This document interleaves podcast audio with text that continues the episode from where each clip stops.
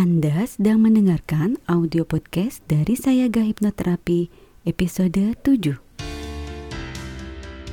Selamat datang di serial audio podcast bersama Sayaga Hipnoterapi, institusi penyedia layanan hipnoterapi dan konseling profesional di Kota Bandung yang membantu penanganan berbagai masalah kesehatan, emosi, dan perilaku yang mengganggu kualitas hidup.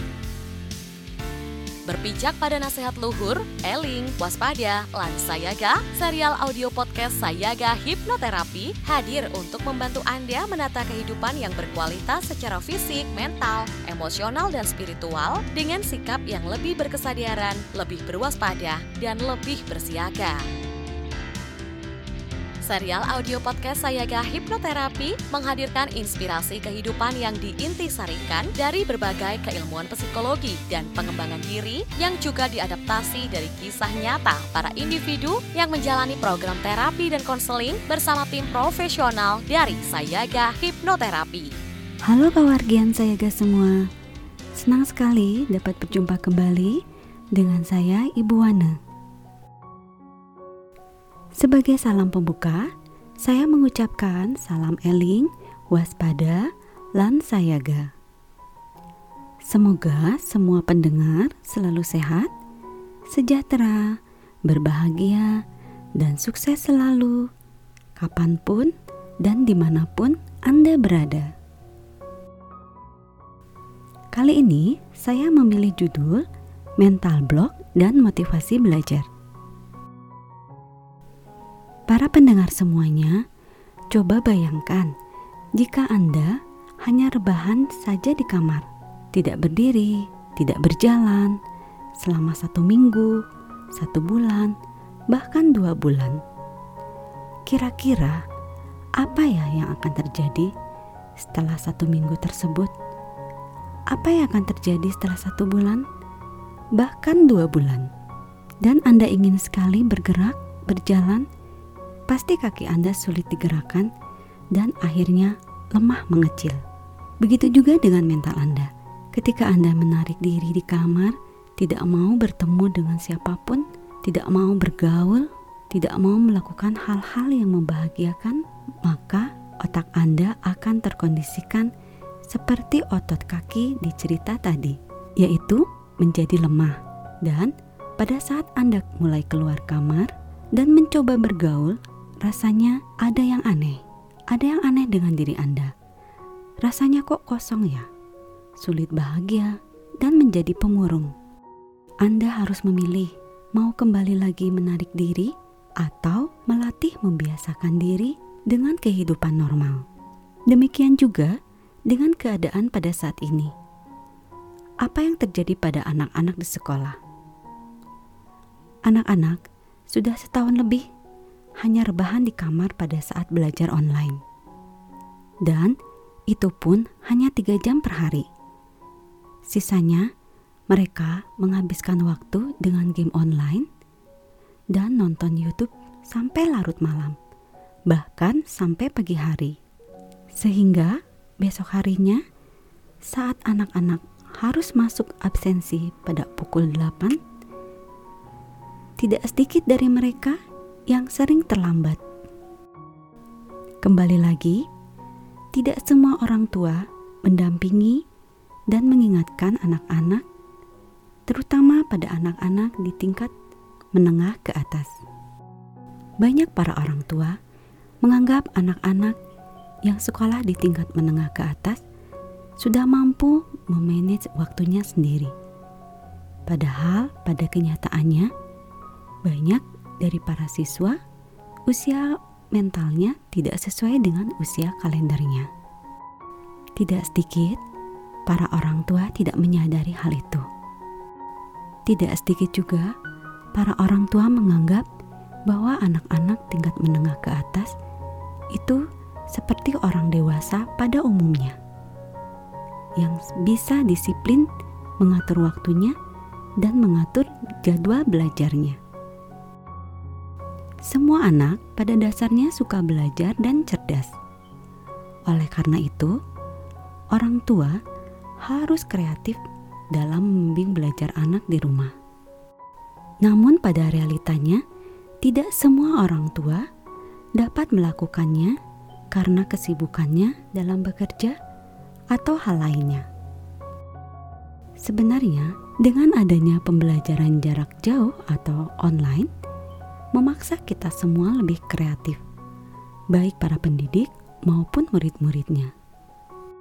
Karena sekolah mempunyai target transfer ilmu dan bagaimana kurikulum ini berjalan lancar dan materi bisa sampai pada anak-anak sesuai program yang telah dibuat.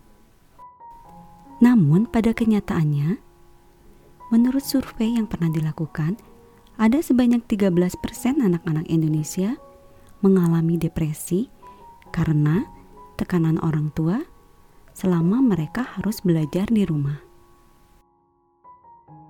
Para pendengar semuanya, kita semua tahu, sudah seminggu ini di beberapa sekolah sudah mulai melaksanakan pembelajaran tatap muka dan tentunya dengan melaksanakan tata tertib dan prokes yang berlaku. Di awal pembukaan pembelajaran tatap muka, para pendidik diimbau untuk membangun karakter dan kesenangan anak-anak akan sekolah, agar mental mereka siap kembali untuk belajar secara tatap muka langsung. Setelah sekian lama mereka belajar online yang kadang mereka hanya melakukan sambil rebahan. Pada hari pertama pembelajaran tatap muka dimulai, saya selalu cek para siswa di kelas secara holistik, yaitu baik fisik ataupun mentalnya. Setelah memastikan anak-anak mematuhi protokol kesehatan, saya selalu meminta anak-anak untuk menuliskan apa tujuan mereka belajar dengan saya dan apa saja yang diharapkan mereka setelah mereka belajar dengan saya. Menulis adalah salah satu terapi kesehatan.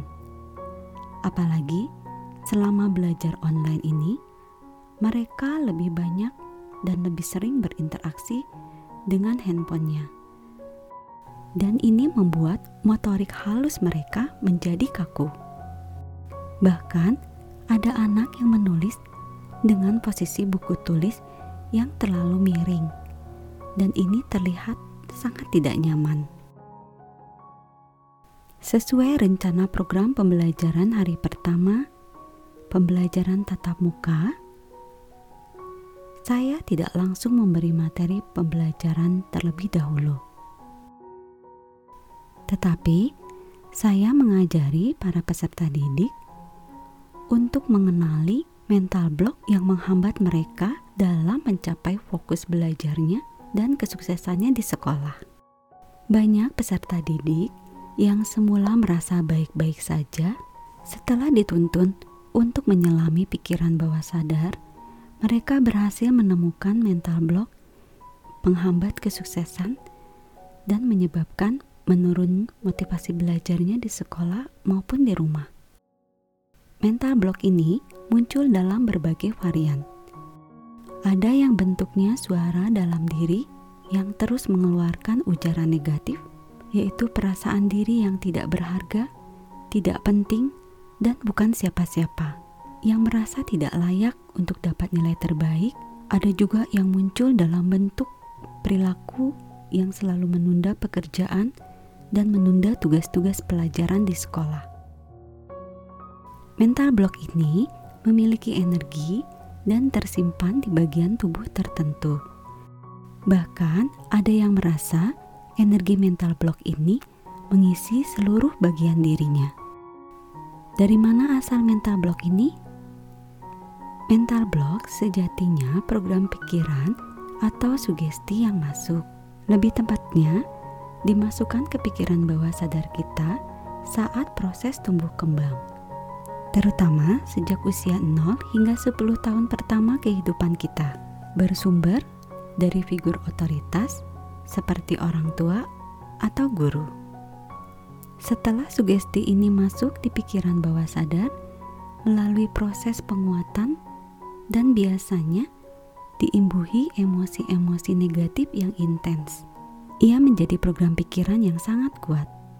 Selanjutnya, program pikiran ini bekerja di bawah sadar dan mengendalikan individu. Inilah yang tanpa disadari oleh anak-anak, mengapa mereka sering menunda tugas-tugas yang diberikan. Salah satu peserta didik, sebut saja namanya adalah Melati. Setelah sesi yang saya tuntun, Melati bercerita bahwa selama ini ia tidak bisa melihat dirinya punya potensi dan bakat, yaitu potensi di bidang public speaking dan memiliki bakat sebagai wirausaha yang sukses. Apa yang terjadi? Ternyata di akhir proses terapi, saat proses menetralisir hambatan-hambatan yang mengakibatkan Melati tidak dapat bermimpi besar menjadi seorang pengusaha yang sukses, tiba-tiba muncul wajah ibunya. Ibunya Melati ini sesungguhnya sudah meninggal.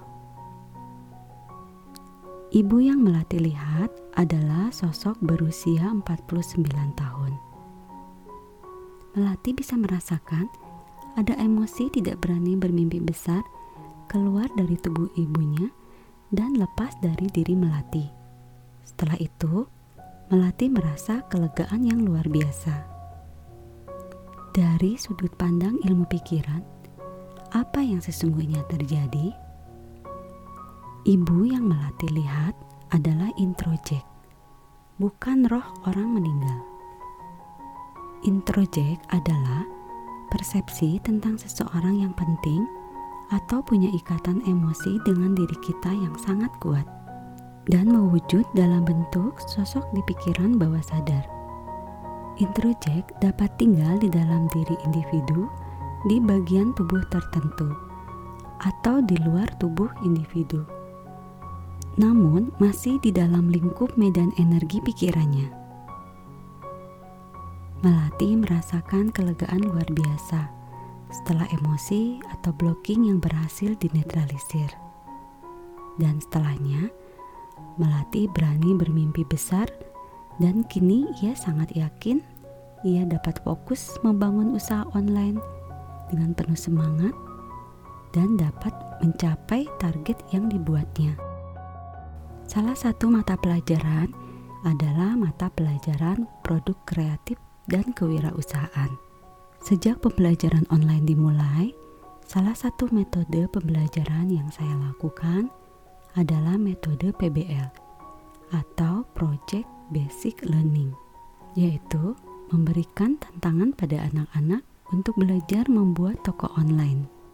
Melatih yang pada awalnya merasa tidak mampu untuk mengelola sebuah toko online, kini setelah ia mengenali mental block yang menghambat dirinya, secara perlahan dia mulai bangkit dan percaya diri untuk membuat toko online tersebut. Demikian kita sampai pada kesimpulan bahwa mental block sangat mempengaruhi gaya belajar dan motivasi belajar pada anak-anak. Memperbaiki kondisi mental block ini hanya dapat dilakukan jika anak benar-benar menyadari perasaan-perasaannya yang negatif dan anak tersebut sungguh-sungguh sangat ingin menghilangkan mental blocknya yang ia rasa sangat mengganggu dalam proses kegiatan belajarnya. Dan proses ini hanya dapat dilakukan difasilitasi oleh seorang terapis yang profesional. Demikian yang dapat saya sampaikan. Terima kasih. Saya Ibu Wana undur diri. Salam eling, waspada, lan sayaga. Dapatkan lebih banyak inspirasi menarik lainnya dengan ikuti Instagram @sayaga.hipnoterapi dan podcast channel Sayaga Hipnoterapi. Kunjungi juga website www.sayaga-hipnoterapi.com untuk temukan lebih banyak informasi menarik lainnya, termasuk untuk memesan layanan hipnoterapi dan konseling bersama para tim profesional dari Sayaga Hipnoterapi di Bandung untuk membantu Anda menangani berbagai masalah kesehatan, emosi, dan perilaku yang mengganggu kualitas hidup. Mari menjalankan kehidupan yang eling, waspada, lan sayaga.